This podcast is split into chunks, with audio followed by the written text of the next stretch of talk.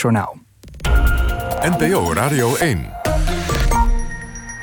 VPRO. Nooit meer slapen.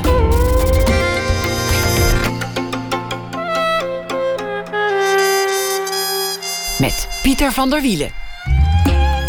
Goedenacht en welkom bij Nooit meer slapen. Een jubeljaar noemt ze het in bijbelse termen. Het jaar waarin de 50 werd gehaald. Ter ere van dat jubeljaar heeft Sanne Wallis de Vries een boek geschreven... waarin ze terugkijkt op haar leven tot nu toe...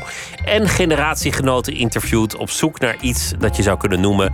een gemeenschappelijke ervaring. En dan is er ook nog de nieuwe voorstelling Kom... waarmee ze tot februari in de theaters te zien is. Samen met twee muzikanten brengt ze rock'n'roll stand-up. Ze doet een drag act. Noem het free jazz cabaret als je wil. Sanne Wallis de Vries is hier en zij is van 1971. Welkom Sanne. Dankjewel. Wat, wat leuk dat je er bent. Is, is dat echt zo'n bijzonder moment voor jou, het jaar waarin je, waarin je 50 wordt? Ehm, nou, het is het wel geworden nu. Door dat boek ook. En ehm, ja, 50 is natuurlijk maar een getal, maar het is ook niet niks. En ik, eh, ik vind het wel leuk om een beetje cliché daarbij echt een mijlpaal van te maken. Dat vind ik wel leuk, ja. Als je, als je in, in, in, in jubeltermen denkt, hè, dat is dan vijf decennia. Mhm. Deze maak je mee. De 100, dat weet je al eigenlijk niet. Dat, dat kan. Mhm. 150 is zeer onwaarschijnlijk. niet aannemelijk. Mhm. Dus, dus zeg maar in het positiefste geval maak je twee keer een, een jubelgetal mee. Ja, maar dat ga ik ook niet halen. De 100 niet? Nee, joh. Dat je, hoop je ik niet in ieder netjes geval. geleefd en eh, Jawel, maar ik beetje ga. opgelet. Ik kan me niet voorstellen dat ik dan nog. eh, eh, dat ik dan niet hulpbehoevend ben. Dus, en dat lijkt me niet zo fijn. Ja, als ik hulpbehoevend zijn. ja, dat lijkt me niet fijn. Dat iemand anders mijn billen moet wassen. En eh, dat ik ergens zit waar ik spelletjes moet doen met andere oudjes en zo. Dat, eh, nee, dat hoeft niet. Nee, ik hoef, niet, dat, ik hoef de 100 helemaal niet per se te halen. De 50 is prachtig. En ik hoop dat ik een jaar of 80 word. En dat ik dan in de nacht zachtjes wegglijd. Om de uitzending maar eens leuk over de dood te laten beginnen. Nou, dat is wel mooi, zachtjes wegglijden in de nacht. Ja, en dan zonder rond pijn, de 80. zonder en, dan, gedoe, zonder lang lijden. En, en dan nog andere wensen daarbij? Moet er dan iets gebeurd zijn op de laatste avond? Dat je dan met eh, dierbare en bijzondere wijn hebt gedronken of zo? nee, wel chocolademousse. Chocolademousse op- op het en, eind. eh, kaasfondue, denk ik. Kaas van u en chocolademousse? Ja, ja, ja, dat is natuurlijk een combi van niks en veel te zwaar. Maar dat wilde ik vroeger altijd. Als ik jarig was, dan mocht ik zelf kiezen. Wat, en dan wilde je eerst, het is een beetje dezelfde substantie, maar dan een andere kleur. Ja, en heel zwaar ook. Dus dat je na die kaas nu dacht ik eigenlijk, ik hoef geen eh, chocolademousse meer. Maar ik had het besteld, dus dat ging allemaal op. Het waren gewoon mijn lievelings. Ik deed mijn lievelings gewoon bij elkaar. En dan, dan, dan, dan nu op je tachtigste de lievelings van vroeger. Ja, ja ik In leuk gezelschap Ja, en dan- en dan- ja. dat ik. Ja, dan hoef je ook niet meer aan de lijn te denken als je Nee. al weet dat het, dat het eindig is. Een hele goede wijn, inderdaad. Gewoon een hele goede wijn. En, en eh, een beetje lachen. En dan zachtkens wegglijden.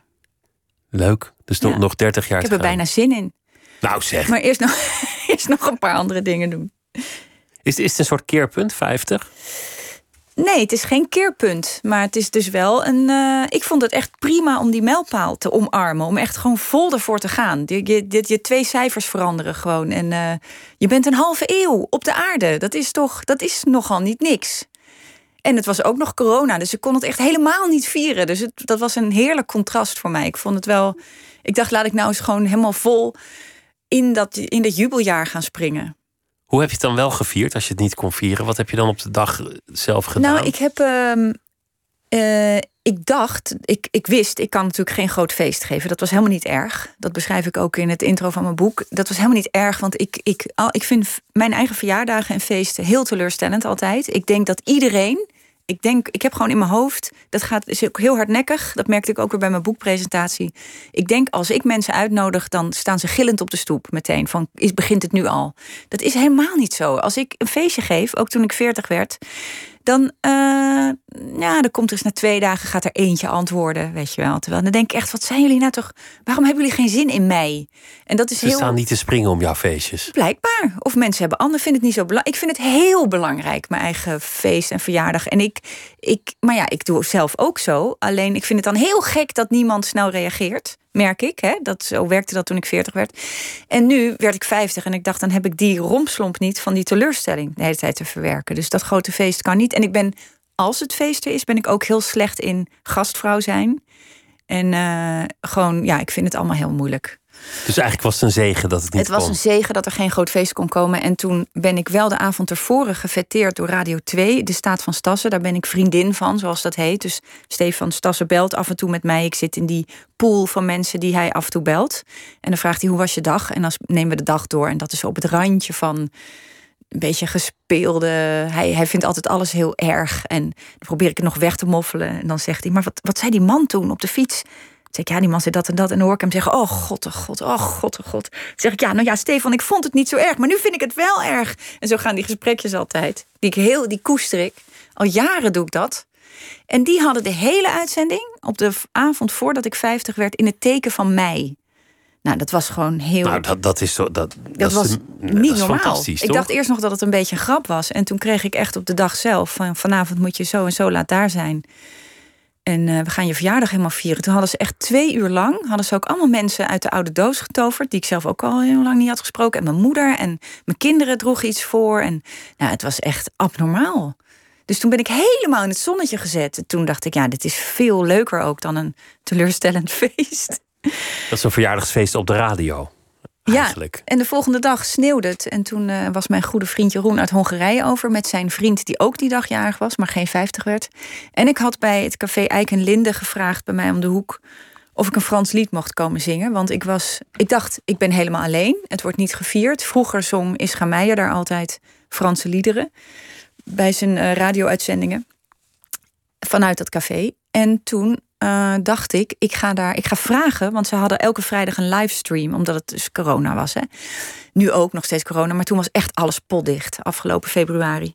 En toen had ik gevraagd, mezelf eigenlijk opgedrongen. Toen zei ik, mag ik La Solitude komen zingen van Barbara?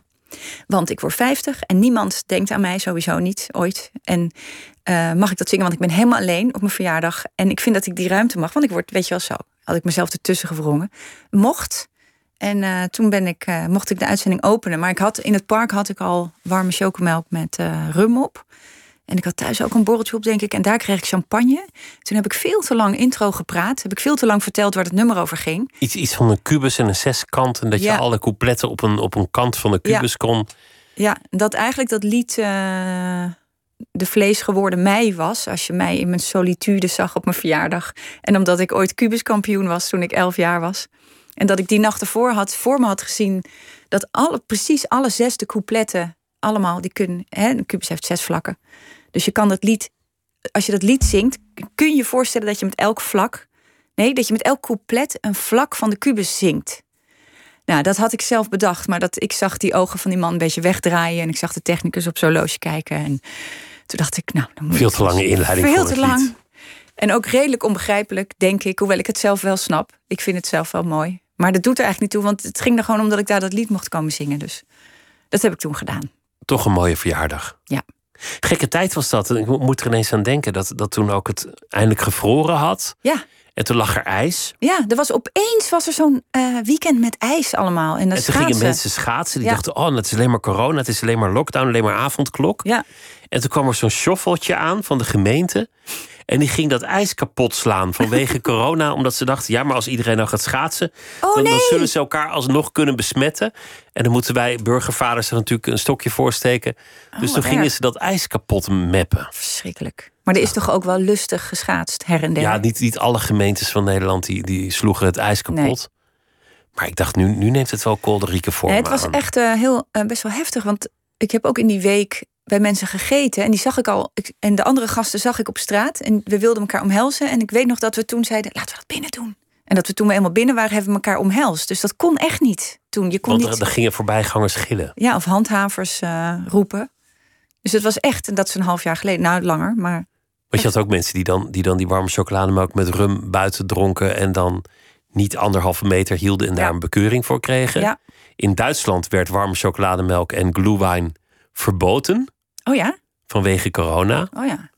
Omdat mensen, als ze dan twee glühwein op hadden, dan zouden ze, tongen? Geen, zouden ze gaan tongen. Ja. Dus. Ja, het is een rare tijd. Nou, dat ligt wel achter ons, hè? Nee. Bedoel, het is nu ook. Nee, want ik ging, ging dit weekend naar een theatervoorstelling, maar dan mogen dan na achter geen drankjes ja, meer. Ja, dat is net nieuw. Ja, ja en dan hadden ze dus, dan, oké, dit snap ik. Dan hadden ze politielint om de bar heen geweven. als een ludiek ding? Of als... Nee, nee, om te laten zien van haal maar niet in je hoofd dat je een drankje krijgt. Dus dan moest er zo echt van dat rood-witte lint om die bar heen. Ja, dat zijn echt wel de, de. Daar zie je gewoon aan dat het. Het gaat gewoon niet. Het lukt niet om een beetje een genuanceerd nieuw maatregelenpakket. Dat gaat gewoon niet. Want de theaters vallen inderdaad nu. Oké, ze mogen open blijven. Maar ik moest zaterdag in Vlaardingen spelen. En daar mochten de mensen hun drankje mee de zaal in, omdat de voorstelling om kwart over acht begon. Maar om acht uur ging de bar dicht. Dus ze moesten voor achter bestellen. En dan mocht een drankje mee de zaal in. Maar omdat het glaswerk niet op de grond mocht, moesten er planken tussen de stoelen.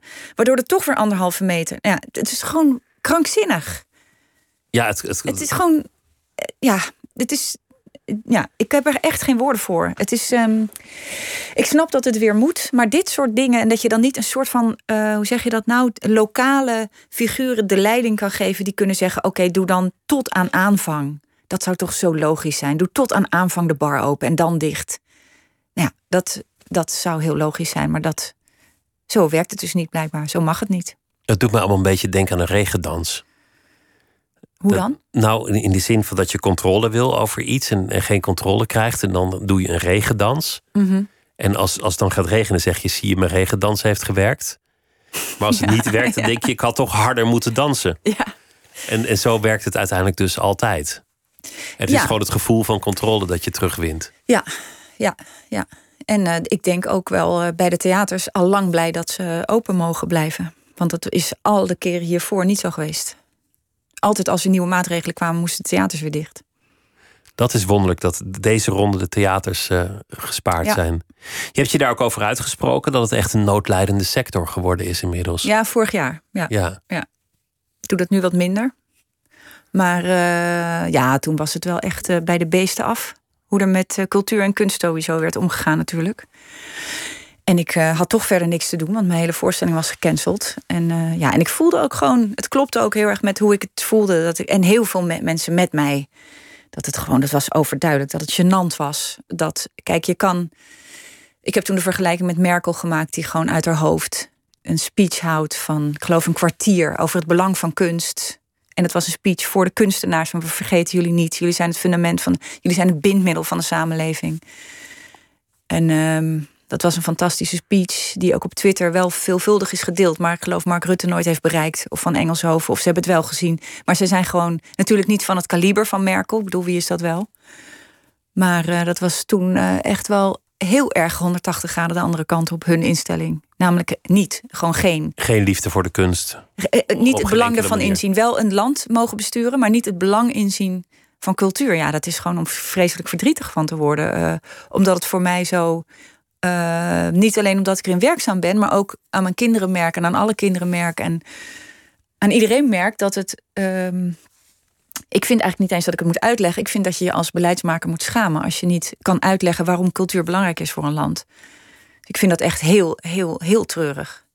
En inmiddels is dat een beetje bijgesteld en wordt er nu wat beter over gepraat. Maar het is, het is toch wel al heel veel voor de bühne, volgens mij. Het is al tien jaar, wordt dat niet echt gezegd. Nee. Vanuit de politiek. Je had je ook uitgesproken voor de QR-code. En toen, toen had je nogal, las ik in de krant dit weekend.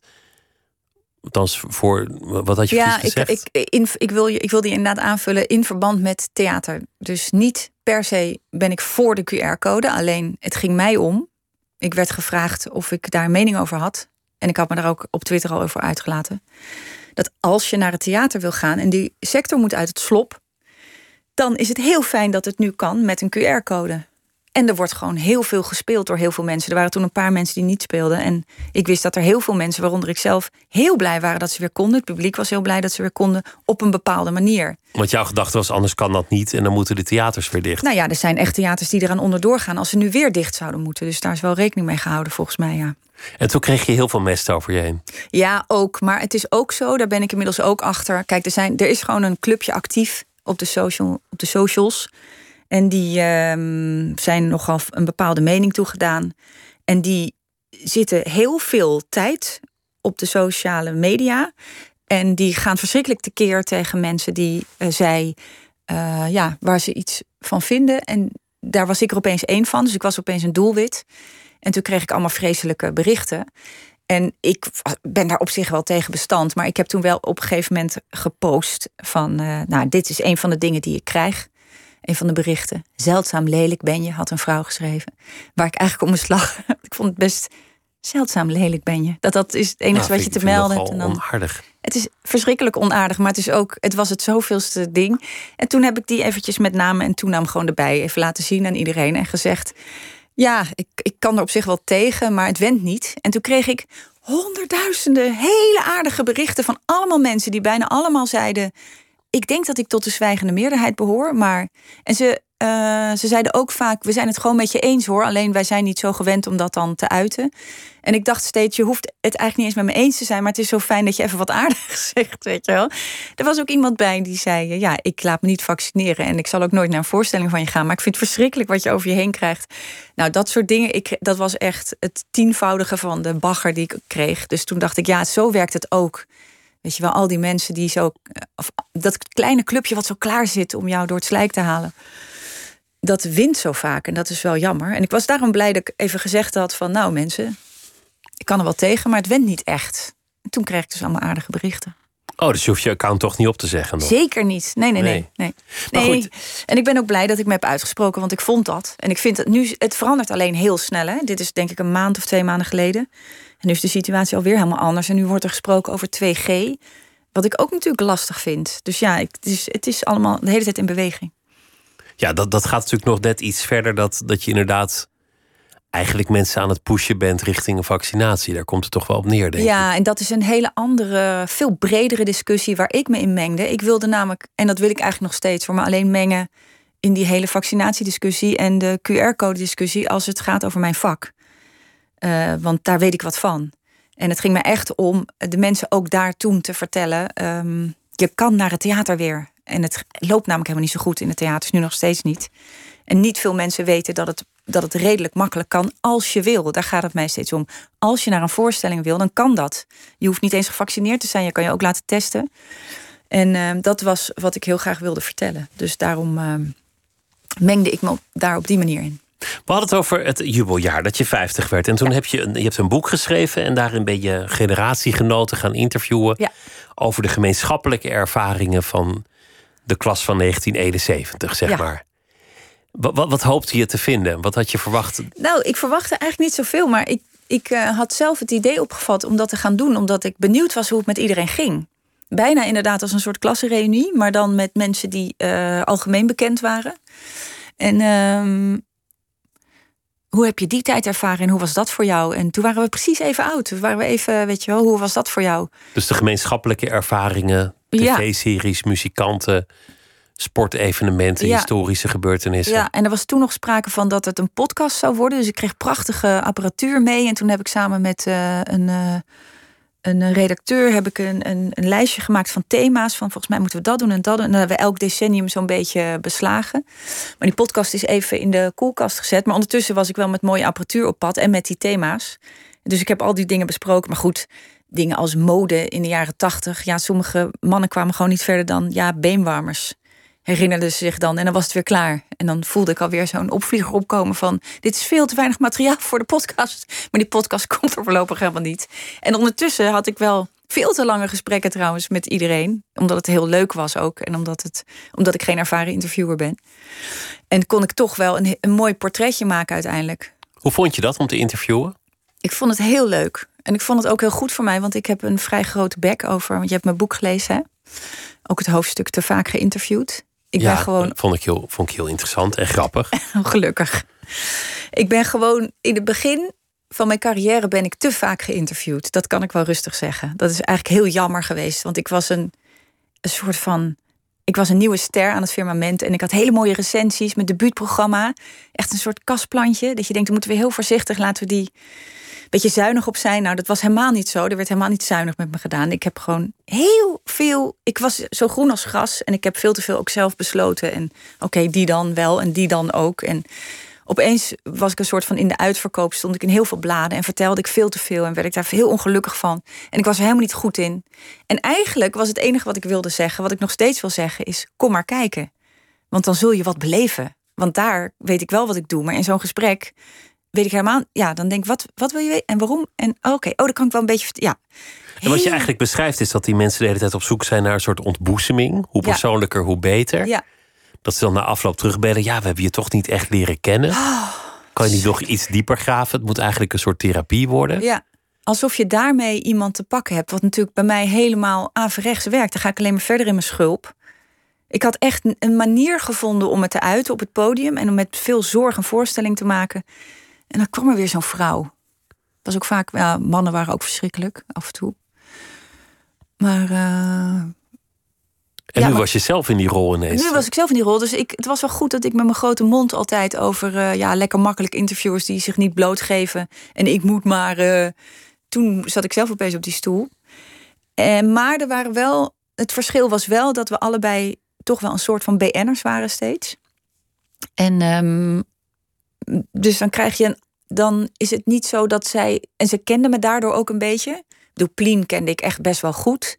Maar Peter Bualda bijvoorbeeld, dat is gewoon een soort van een leeftijdsgenoot. En wij respecteren elkaar. in- Of we zijn fan van, van elkaar, laat ik het zo zeggen. En dat is dan natuurlijk een ander uitgangspunt dan wanneer ik als onbekend interviewstertje langskom. Eh, dus dat was anders. Maar ik, ik heb echt wel enorm moeten leren. Ik heb echt een soort eh, stoomcursus. eh, ik durfde in het begin ook niet in te grijpen. Als ik dacht, ja, dit antwoord duurt veel te lang. En ik vind het eigenlijk helemaal niet meer interessant. Maar ik, waar, moet ik ingrijpen? En je hoort me ook per gesprek. Want dus, ik had dan thuis ook die, die, natuurlijk op mijn laptop de gesprekken. En dan zie ik dat ik steeds sneller dat ik weer aan het woord kom ding. Dat ik zeg, wat dan? Wanneer dan? Maar met wie was het dan? Of wat dacht je toen? Dus ik durfde steeds meer in te grijpen. Want je realiseert je dat je met iets thuis moet komen. Dat je- Zeker, Dat je ja. daar niet zomaar kan zitten. en dat, je antenne ook redelijk klopt. Van ja, ik kan iemand wel enorm laten uitweiden hierover. Maar volgens mij, eh, dit, ik denk dat het nergens heen gaat. En ook al zou het wel ergens heen gaan, het gaat te langzaam. Dus dat waren allemaal dingen die ik durfde steeds vaker. En ik, ik heb ook iedereen wel de thema's van tevoren opgestuurd. En dat werkte ook heel goed. Bijvoorbeeld Richard Krajicek, die had allemaal anekdotes paraat. Dat was heel fijn over het eh, pre-internet tijdperk. Dat hij voor heel veel geld vanuit het Amstelhotel naar Daphne Dekkers heeft gebeld. Op de Seychelles. Toen hebben ze twee uur gebeld. nou, dat was heerlijk dat hij dat had kunnen voorbereiden. Dat, ik, dat, dat, dat hij dat gewoon paraat had. Dus dat, was, dat vond ik wel een goeie aan van tevoren die thema's opsturen. En in die tijd had je nog telefoonrekeningen. En hij had Dat geen kan je niet idee. meer Hij had gewoon lekker zitten bellen. Van, Maar toen, toen was dat heel prijzig. heel prijzig. Ja, Dan kon je aan failliet gaan aan de Ja. telefoonrekening. zeker. Je zei, je zei net terloops, had ik eindelijk een manier gevonden om het te uiten op het podium. Mhm. Nou Kwamen- wil je zeker kwamen- een ontboezeming.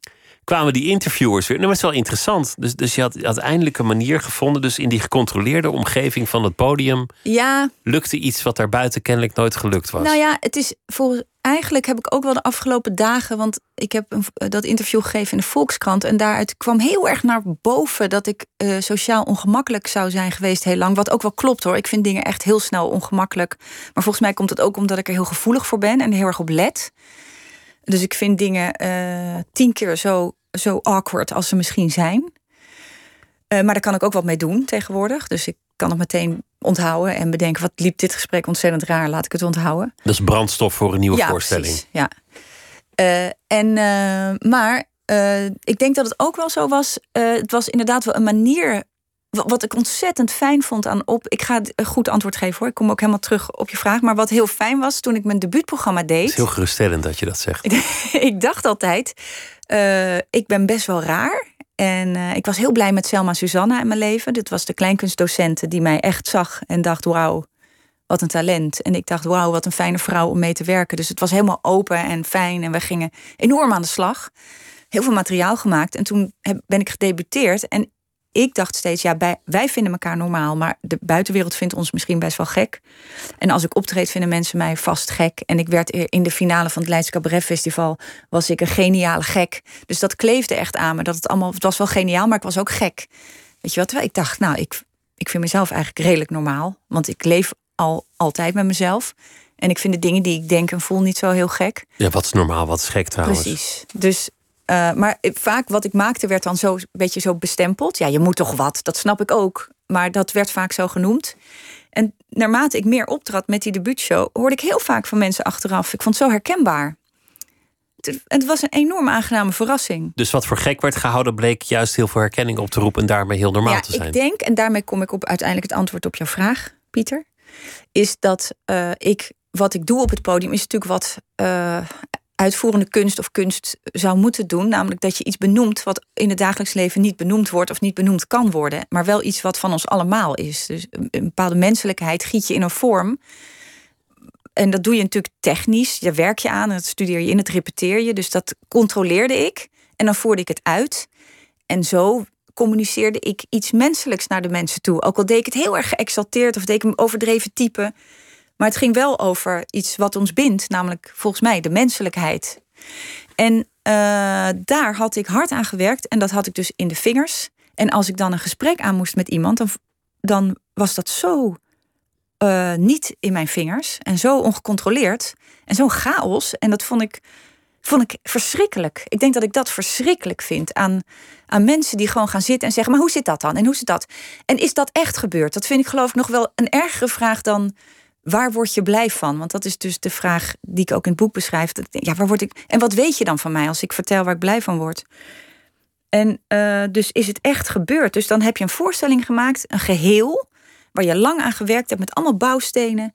En dat moet je echt van A tot Z beleven. En tegenwoordig zeg ik ook echt telefoons uit. We gaan, weet je wel, we gaan een beleving hebben.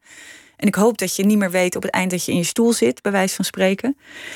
Uh, en dat is een beleving, daar heb ik aan gewerkt en die ga ik nu aan jou geven. En dat is een geheel. En als mensen dan voor hun professie, omdat ze iets in een blaadje moeten schrijven, gaan vragen: dat uh, stukje uit je voorstelling, is dat echt gebeurd? Dan denk ik: ja, wat wil je nou? Dan gaan we het uit elkaar trekken. Dan gaan we die beleving uit elkaar trekken. Dat vind ik heel moeilijk.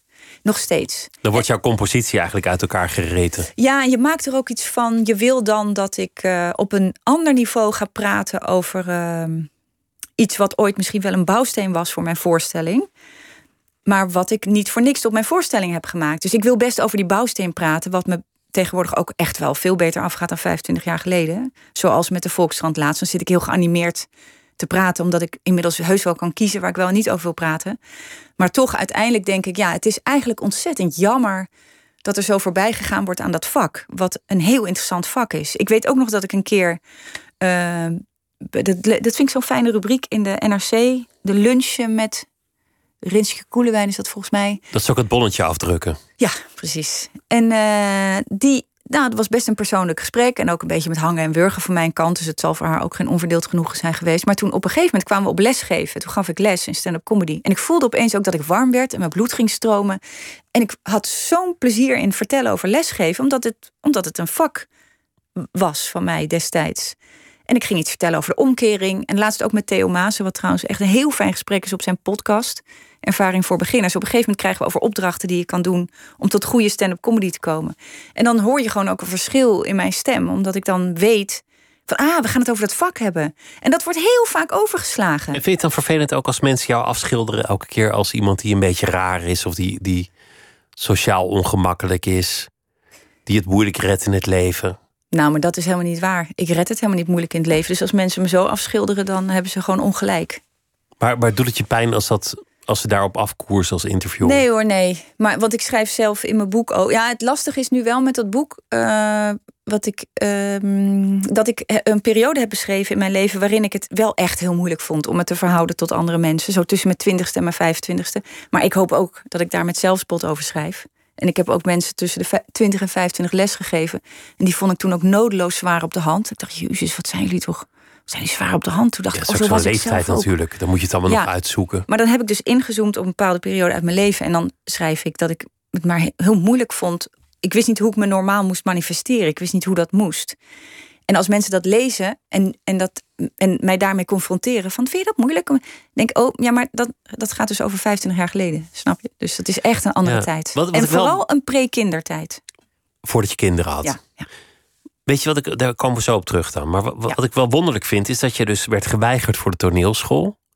Dat je werd afgewezen voor de Kleinkunstacademie. Mhm. Dat je vervolgens zelf een kleinkunstdocent vindt Mhm. via Crea, met wie het ongelooflijk klikt. Mhm. Dat je even later zelf les geeft.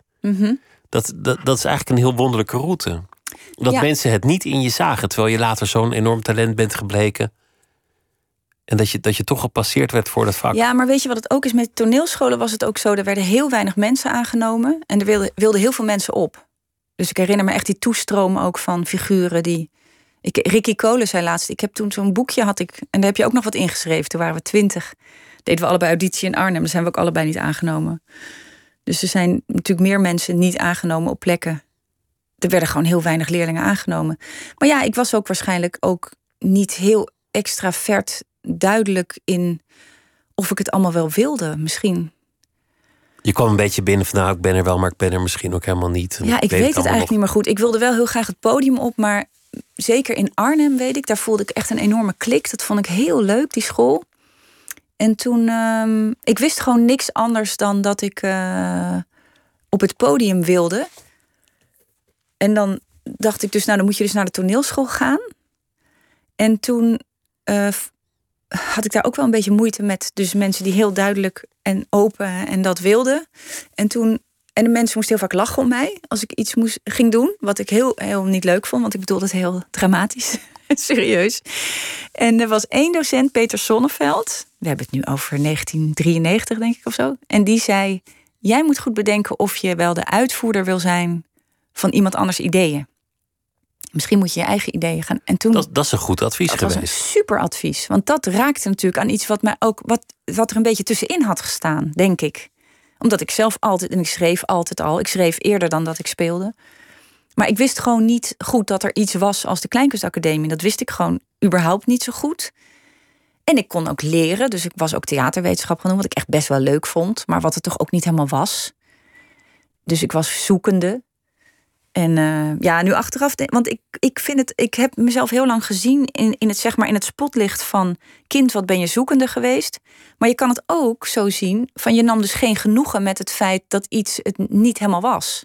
En ik kende ook heel veel studenten in die tijd, die wisten helemaal niet of ze iets met rechten wilden doen of met economie. Maar die studeerden dat of met een taal. Van, ja, maar, maar zo las ik je boek toch ook wel. Dat, dat ik dacht van ja, in, in ieders bestaan kan je zoveel zijpaden in zijn geslagen. En dan was dat het geweest. En dan werkte je nu als sociaal geograaf op een onderzoeksbureau.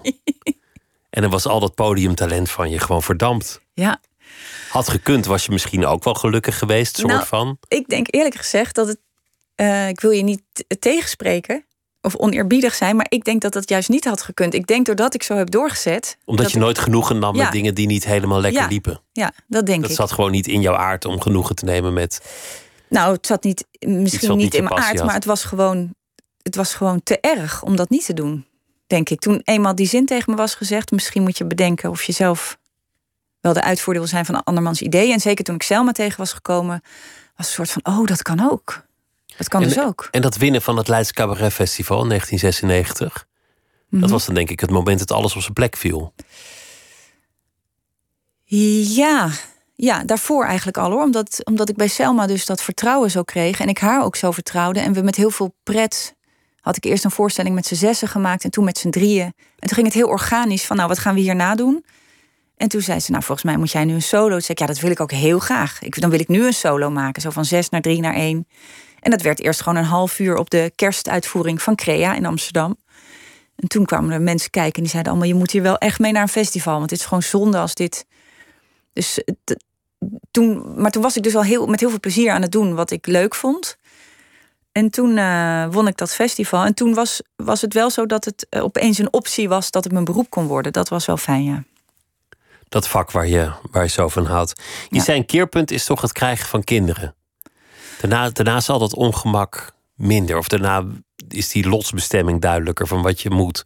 Nou ja, ik denk gewoon dat, dat het krijgen van kinderen voor mij echt een transformatie was, ja. Ik denk dat ik toen op uh, wat ik heel prettig vind en ik, ik hoop en uh, geloof dat mensen zich blijven ontwikkelen de hele tijd. Maar het was wel voor mij van een, iemand die heel veel toerde en het heel laat maakte en een soort nachtleven leidde en een vrij leven overdag.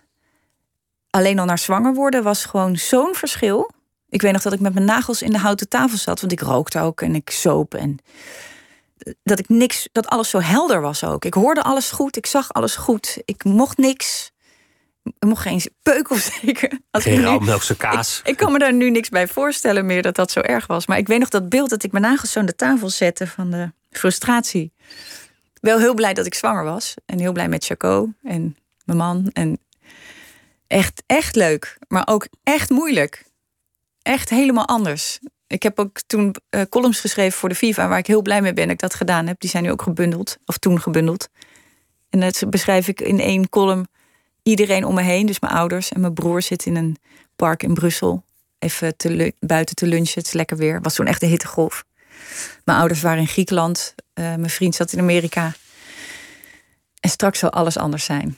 Weet je wel, dan zitten zij nog steeds daar of ze zijn daar en daar. Maar straks zal alles anders zijn. En dat, dat besef had ik enorm. Dat was bij mij ook echt zo. Ik vond echt moeder worden echt heel heavy, maar ook fantastisch. Maar ook wel. Ja, ik dacht, ik heb ook wel eens gedacht, misschien moet ik het maar niet. Als er een formulier is wat je moet invullen. En dat je wat je kan terugkrijgen, nou u maar niet, mevrouw. Dat had ik me ook wel kunnen voorstellen toen. Dat je maar geen goede moeder zou zijn. Ja, dat zou ik. Nou, doe, doe, u doe dan maar, nou niet. maar niet. Nee, nee, dan kunt u, kunt u gewoon voorstellingen blijven maken. En, ja. Die, die kinderen spelen een grote rol in je voorstelling. Die zijn nu natuurlijk wat ouder. En uh, mm -hmm. dat vond ik eigenlijk heel grappig. Dat, want het gaat eigenlijk meer over een nieuwe generatie. Die heel anders tegen sommige ja. dingen aankijkt. Ja, dat is ook zo fijn eraan. En jou ermee confronteert. En, en die dan heel erg bezig zijn met gender en ja. queer en LGHBTI. En, ja. en, en dan doe jij een pleidooi. En dat vond, dat vond ik eigenlijk wel een heel wijs pleidooi. Mm -hmm. Voor onverschilligheid. Ja, op, uh, over bepaalde dingen, ja. Ja, dat, dat, ja. dat er gewoon af en toe gewoon zeggen, joh, scheid. Zal wel. Ja, scheid. Dikke scheid. Omdat iedereen zo... Of, uh, dat kan nu ook, maar men gaat zo vaak op veel dingen in. En je kan ook soms niet op dingen ingaan. Dat is ook nog altijd een optie. Dus voor sommige mensen heel moeilijk. En voor mij ook trouwens hoor. Maar, maar ook die nadruk op wat iemand... Ik snap dat er... Dat het heel... Uh, dat we met z'n allen eventjes... Ja, ik moet oppassen met generaliseren. Maar het gaat mij veel meer om. Uh, of dat gaat mij echt om of iemands geaardheid ertoe doet. Volgens mij helemaal niet. Nee, in essentie niet volgens mij. Nee, en er wordt, is, soms wordt er een enorm punt van gemaakt, maar van beide kanten. Dus mensen zeggen ja, maar homo's mogen nooit dit of hetero's doen altijd dat. En moest scheid, gewoon dikke scheid. Als iemand het nog één keer zegt, gewoon scheid. Ja, of anders gezegd, als jij maar gelukkig bent. Ik vind gewoon dat het verder niemand wat aangaat. Dat is het meer. Hoe iemand zijn leven leidt. Zijn privéleven en, en sowieso iemands geaardheid. Het gaat toch de rest van de wereld geen reet aan? Hoe jij je seksleven of, of hoe je je relatie, liefdesrelatie onderhoudt. Daar mag toch nooit iemand anders iets over zeggen? Dat vind ik. Maar dat, Je had van de week Kirsten Fontijn te gast. Ja. Die zo'n enorme die, die, heeft heel, die, heeft, nou, die, die heeft een dubbel monogame relatie. Ah, oké. Nou, dat Die is zo monogaam dat ze, dat Nou, ze dat en een ik vind dat mij dat geen reet aangaat. Nee maar, nee, maar het gaat mij ook geen reet aan. Nee, maar het is heel interessant om het over te hebben, daar niet van. Maar ik bedoel, de nadruk die, of de, de, eh, het oordeel wat mensen wel he- hebben vaak, dat vind ik zo fout. Of zo naar, of zo niet nodig. Zonde van je tijd, doe maar niet. Maar andersom is er ook de behoefte om het te bestendigen doordat anderen dat gaan definiëren of accepteren. Of dat je dat moet uitspreken. Of dat je dan een Insta-post moet doen van een half uur waarin je je precieze seksen onthult. Ja, maar iedereen moet sowieso helemaal zelf weten wat hij doet. Alleen, ik zou het, eh, ik, het- Dit is ook wel weer een onderdeel van mijn voorstelling, wat jij nu eh, kapot scheurt uit mijn voorstelling. En waar we Want je zegt het zo heel precies en dan nu doe ik het een beetje Ja, en en het is ook wel op een moment in mijn voorstelling waarop het heel fijn is om keihard scheid te brullen en dan over te gaan op een stukje over de bananenbar. Dus het is wel expres daar. Maar het komt natuurlijk wel voort en daarom mag je het ook mag je het er naar vragen. Ik ben alleen bang dat ik het niet zo goed kan uitleggen, omdat het ook niet helemaal deugt. Maar dat vind ik niet erg. Terwijl het in de voorstelling zo mooi gecomponeerd is. En zo ja, en het is, nou, het is gewoon ook best wel eh, normloos. Snap je? Ik ben daar helemaal niet deugend op dat moment. En ik wil natuurlijk in mijn echte leven wel een soort van deugen op die manier. Dat ik denk, ik, ik bedoel wel in de grond van het gaat niemand een reet aan. Denk, je wat je- daarover na? Of, of wat ja, je zegt natuurlijk. Dat is toch een verschil. Nou ja, ik denk Is dat het na over het, vertrekpunt, het engagement? voor een voorstelling. Ja? Ja, wel. Ja. Ik vind wel dat het eh, moet gaan over deze tijd in ieder geval. En daar, daar begint het mee. Het nadenken over, over thema's die je wil vertellen. Ja, maar ik werk echt nauw samen met regisseurs. Hè? Dus ik ben ehm, helemaal niet iemand die lekker zelf eens los eh, begint eh, uren te stand-uppen en dan bij elkaar schuift. En ik, ik werk echt heel echt theaterachtig. Ik ben volgens mij ook een raar genre. Ik weet niet of ik überhaupt een genre. Nu ook weer met die Polifinario, die is nu in drie. Die hebben drie. Die hebben, eh, wat hebben ze? Nou, ze hebben drie- opeens drie hokjes. En eh, volgens mij pas ik in ge- geen van de drie of alle drie tegelijk. Ik weet niet wat voor genre ik ben, maar ik maak echt een theatervoorstelling waar hopelijk enorm om te lachen valt. Maar over genres moet je echt nooit zorgen maken. Hokjes, Nee, labeltjes. maar ik wil maar zeggen, ik maak de voorstelling dus, dus echt, eh, echt pratend met een regisseur van wat. Behalve Gut, dat was een soort van mijn comeback een paar jaar geleden. En die ben ik wel. Toen wilde ik echt zelf beginnen. Toen dacht ik, ik, heb nu zo lang niet solo gedaan. Nou wil ik even weten waar ik sta. Wie was ik ook weer? Weet je, hoe praat ik ook weer op een podium? Toen wilde ik niet dat er iemand in de zaal zat die dat dan ging evalueren met mij. Maar nu voor Kom ben ik echt vanaf het begin met Marcel Seim echt hele pittige discussies. Inderdaad, heel veel over eh, mannen en vrouwen en alles ertussenin. En, en RuPaul en de drag queens. En Wat ik hele leuke gesprekken vond. En, eh, dus dat was echt wel eh, een ding. En het was, mind you, ehm, Dus je wil iets zeggen uiteindelijk. Daar, daar gaat het je wel voor een deel om.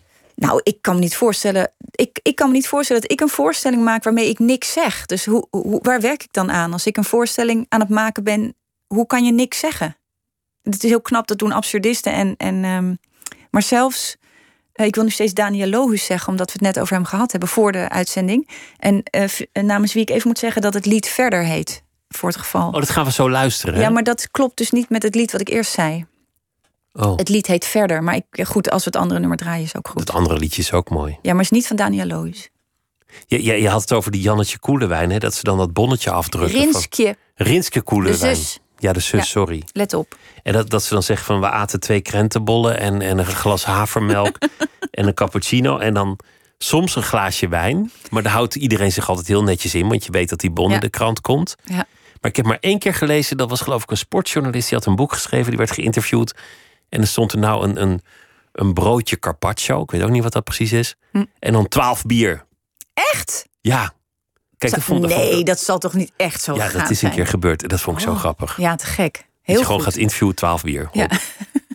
We gaan luisteren naar het liedje, want Rob de Nijs is jouw grote held. Heel belangrijk in jouw Ja. leven. En dit is een liedje samen met Daniel Loos. Nee, nee, nee, je zegt het helemaal fout. Sorry, ik ga je even corrigeren. Ja.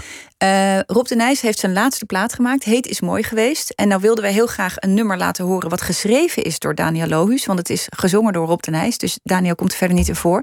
Maar we hebben voor de uitzending het verkeerde liedje gekozen. Het liedje moet zijn verder. Maar misschien krij- krijgen we wat als later nu is. ja, ik denk dat wat als later nu is. Nou, dat is dan niet geschreven door Daniel Lohus. Dus Daniel Loos heeft er gewoon helemaal niks mee te maken. Die mag er helemaal uit nu. Maar we hebben het dan, nou ja, Ja. Rob de Nijs. Goed.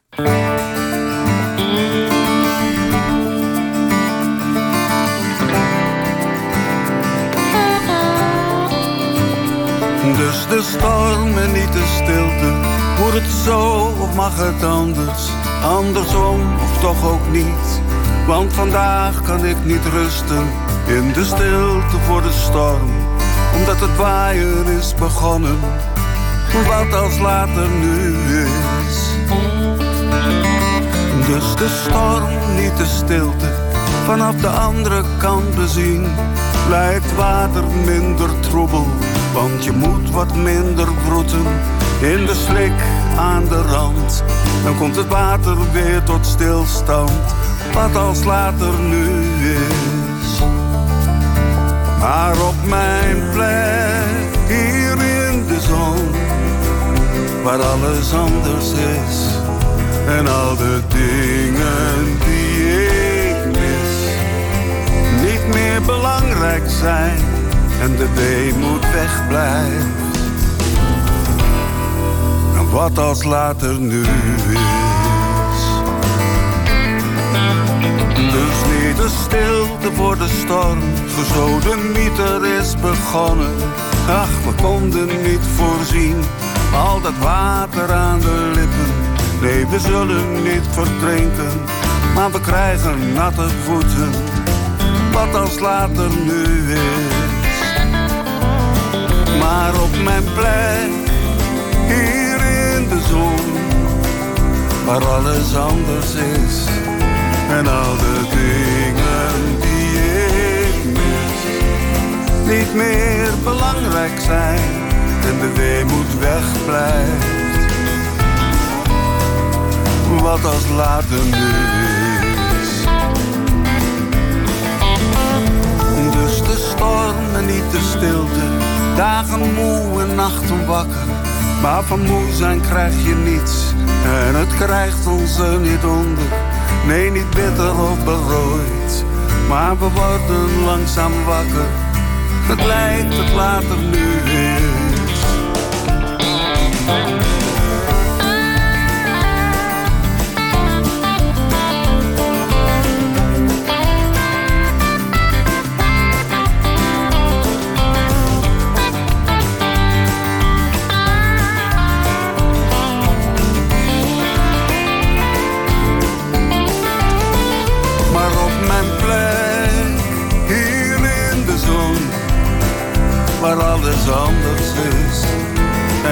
de dingen die ik mis, niet meer belangrijk zijn.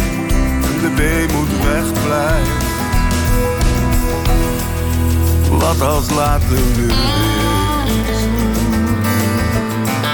Het blijkt dat later nu is. En ik weet dat later nu is. Ga je even zeggen wie geschreven heeft? Wat zei je? Ga je nu vertellen wie het wel geschreven hebben, dit lied? Danny, Danny Vera en ehm, Pascal Jansen van eh, Jacobsen. De reg- regisseur die ging Jansen roepen. Oh. En dan ging ik dat ook weten dat hij Jacobsen heet. Wat een bende vanavond hier trouwens. Gadsamme zeg. Sanne Wallis de Vries is hier en dit was Rob de Nijs. Een van haar grote voorbeelden. Die komt ook voor in het eh, boek Jubel. Dat heeft ze geschreven naar aanleiding van haar 50ste verjaardag dit jaar.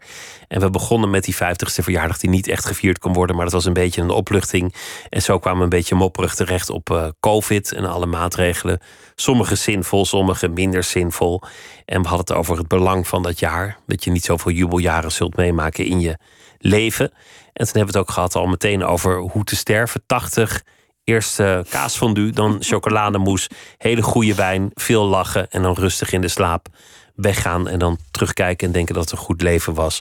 Als je nog kan terugkijken tenminste. We hebben het gehad over het interviewen. Wat goed voor je was om eens te interviewen, omdat je zelf een hekel aan interviews hebt gekregen. Omdat je aan het begin van je carrière veel te veel geïnterviewd was. Dat eh, werd je toen ingegeven door eh, stemmen die zeiden: dat is goed voor je loopbaan, doe het nou maar. En je had eindelijk een manier gevonden om iets te vertellen in de zorgvuldige constructie van een gecomponeerde voorstelling.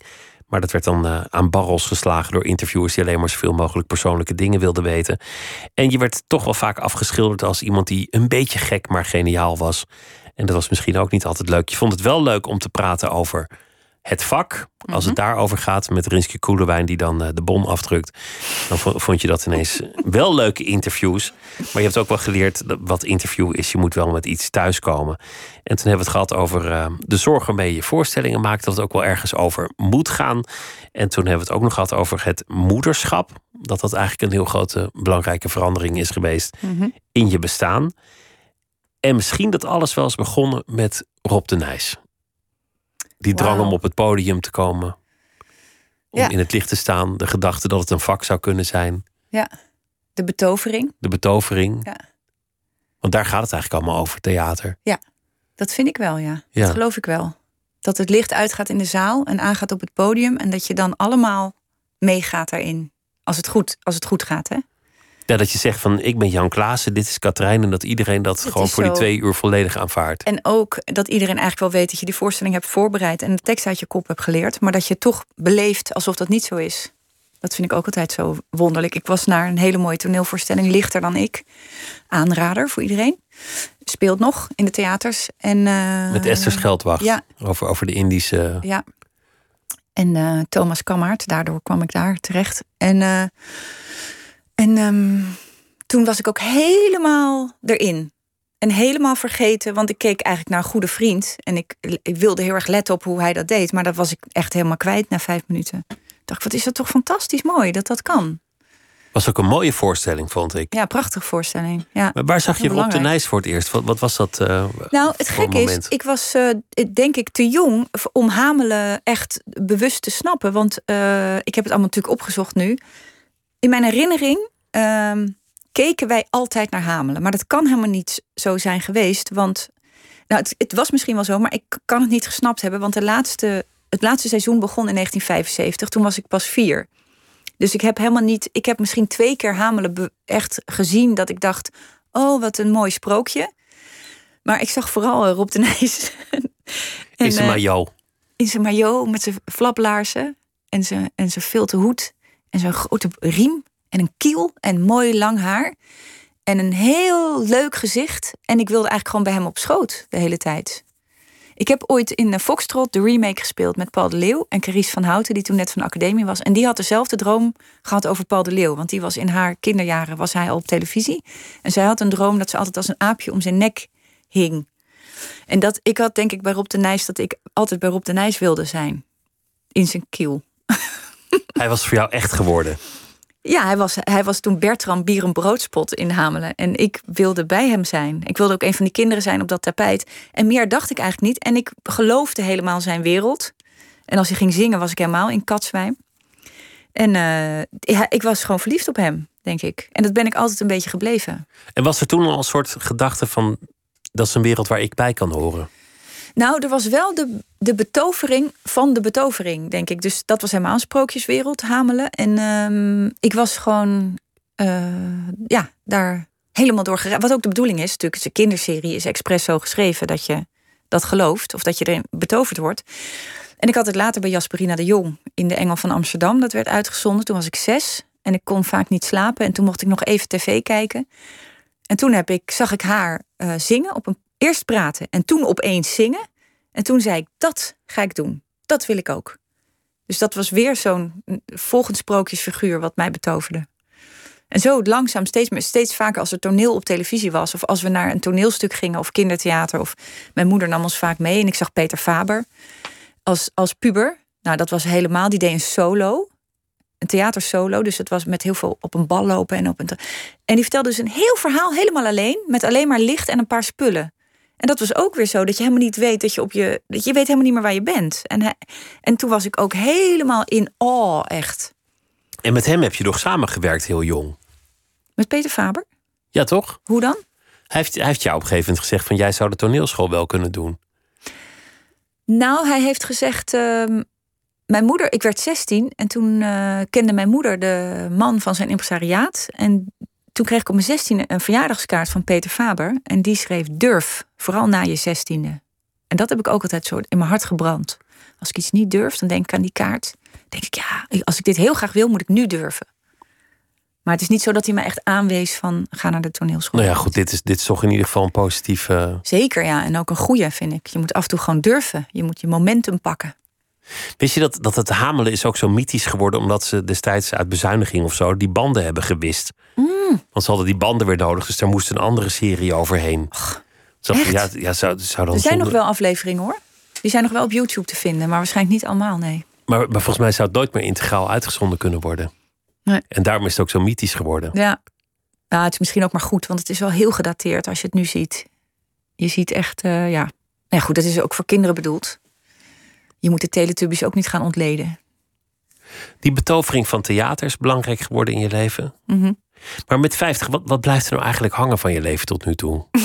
Als je, als je dan nu, dan heb je 50, 50 jaar. Ja. Keer 12 maanden, 600 maanden. Oh man. Dat is best wel veel tijd. Ik vind het ook veel tijd. En, en dan moet je eigenlijk soort van verantwoorden. Van, wat heb je nou eigenlijk gedaan met die tijd? Nou, daarom, daar, dat, ja. Koop mijn boek en lees het. Daar staat alles in. Maar wat, wat blijft er voor jezelf hangen? waarvan zeg je nou van die 50 jaar van oké, dat deed er nou eigenlijk toe. Hier gaat het om. Nu, nu heb ik het door. Nu weet ik het. Nou, ik weet niet of ik dat weet, maar ik vind het wel. Wat ik zelf heel leuk vind en echt heel bevrijdend is dat ik uh, het idee heb dat ik wel een soort van slagen maak steeds of een soort van rondjes doe.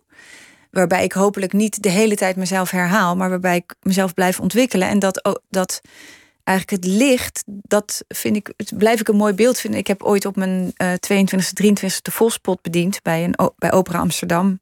En toen, en daar, dat heb ik een beetje gebruikt in het boek als een soort metafoor van je kan het licht, je kan zelf bepalen waar je het licht op laat schijnen. Dus je kan zelf bepalen wat belangrijk is geweest of wat vormend is geweest. Dat kan eigenlijk niemand voor jou bepalen.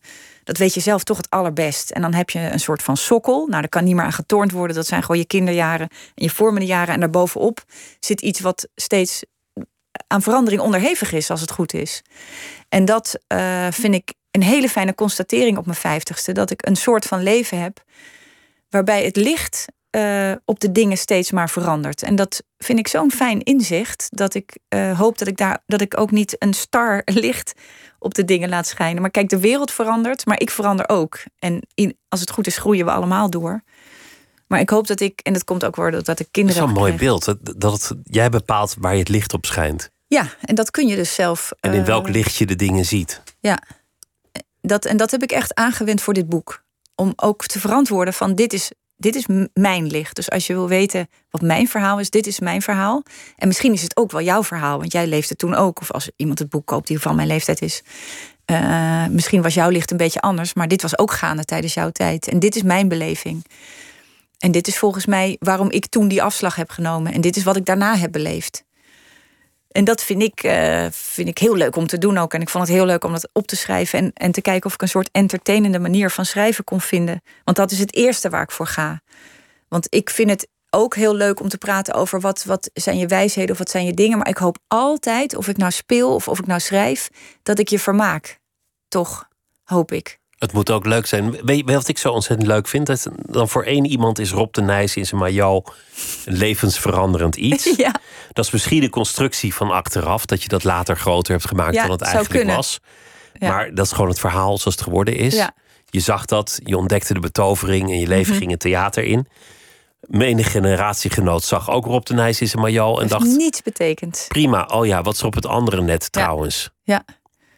En, en, en zo loop je eraan voorbij. Ja, zo is Plien van Bennekom zeven keer naar een Michael Jackson concert geweest. En die was helemaal verliefd. Nog steeds, als we erover praten, is ze op Michael Jackson. En ik zit alleen maar kind. Ach, het is toch een hele enge neuroot geweest, die met, met jongetjes. En hoe kan dat nou? Maar die is helemaal, ja, dat is ook. En Doris die en de Pins was zij helemaal op. Waar ik ook bij zat van, hoe is het mogelijk? Een Maar dat- Eva Postuma, de boer, die één vraag aan David Bowie mocht stellen. En zei van, ga je het liedje Changes nog Omdat spelen? ze niks anders wist. Ja, Mierzoet vond ik ja heerlijke verhalen. Ja. Maar het is wel grappig dat, dat wat voor de een levensveranderend is... richting geeft voor de ander niets betekent. Ja. En zo vinden we allemaal onze weg Zo uiteindelijk. is het. Ja. Leuk. Hey, ik wens je ontzettend veel plezier met de tour. Dankjewel. Heerlijke voorstelling. Ik hoop dat veel mensen komen kijken. Dat iedereen een Ja. kaartje durft te kopen. Ja, het kan. Want mensen hebben kaartjeskoophuiver eh, op het moment. Ja. Maar goed, daar moeten ze zich maar even overheen zetten. En ik eh, wens jou heel veel eh, succes en ook heel veel plezier in dit jubeljaar. Dank u. Sanne Wallis de Vries was dat. En morgen dan komt historica Bianca Stichter. Die heeft een film gemaakt. en dat gaat, die film gaat in première op het ITVA. En zometeen eh, Miss Podcast met Milou Brandt in gesprek met eh, Anne Moraal. En Anne Moraal is eh, podcast-eindredacteur van NRC Handelsblad. Dit was Nooit meer slapen voor nu. Tot morgen. Goeienacht.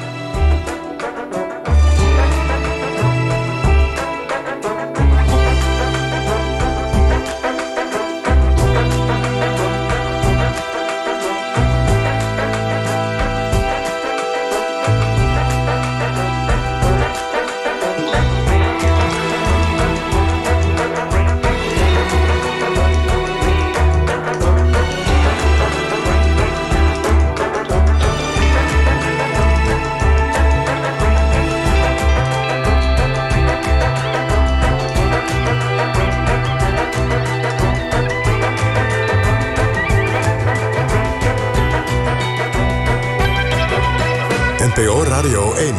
Wie luistert, weet meer. NPO Radio 1.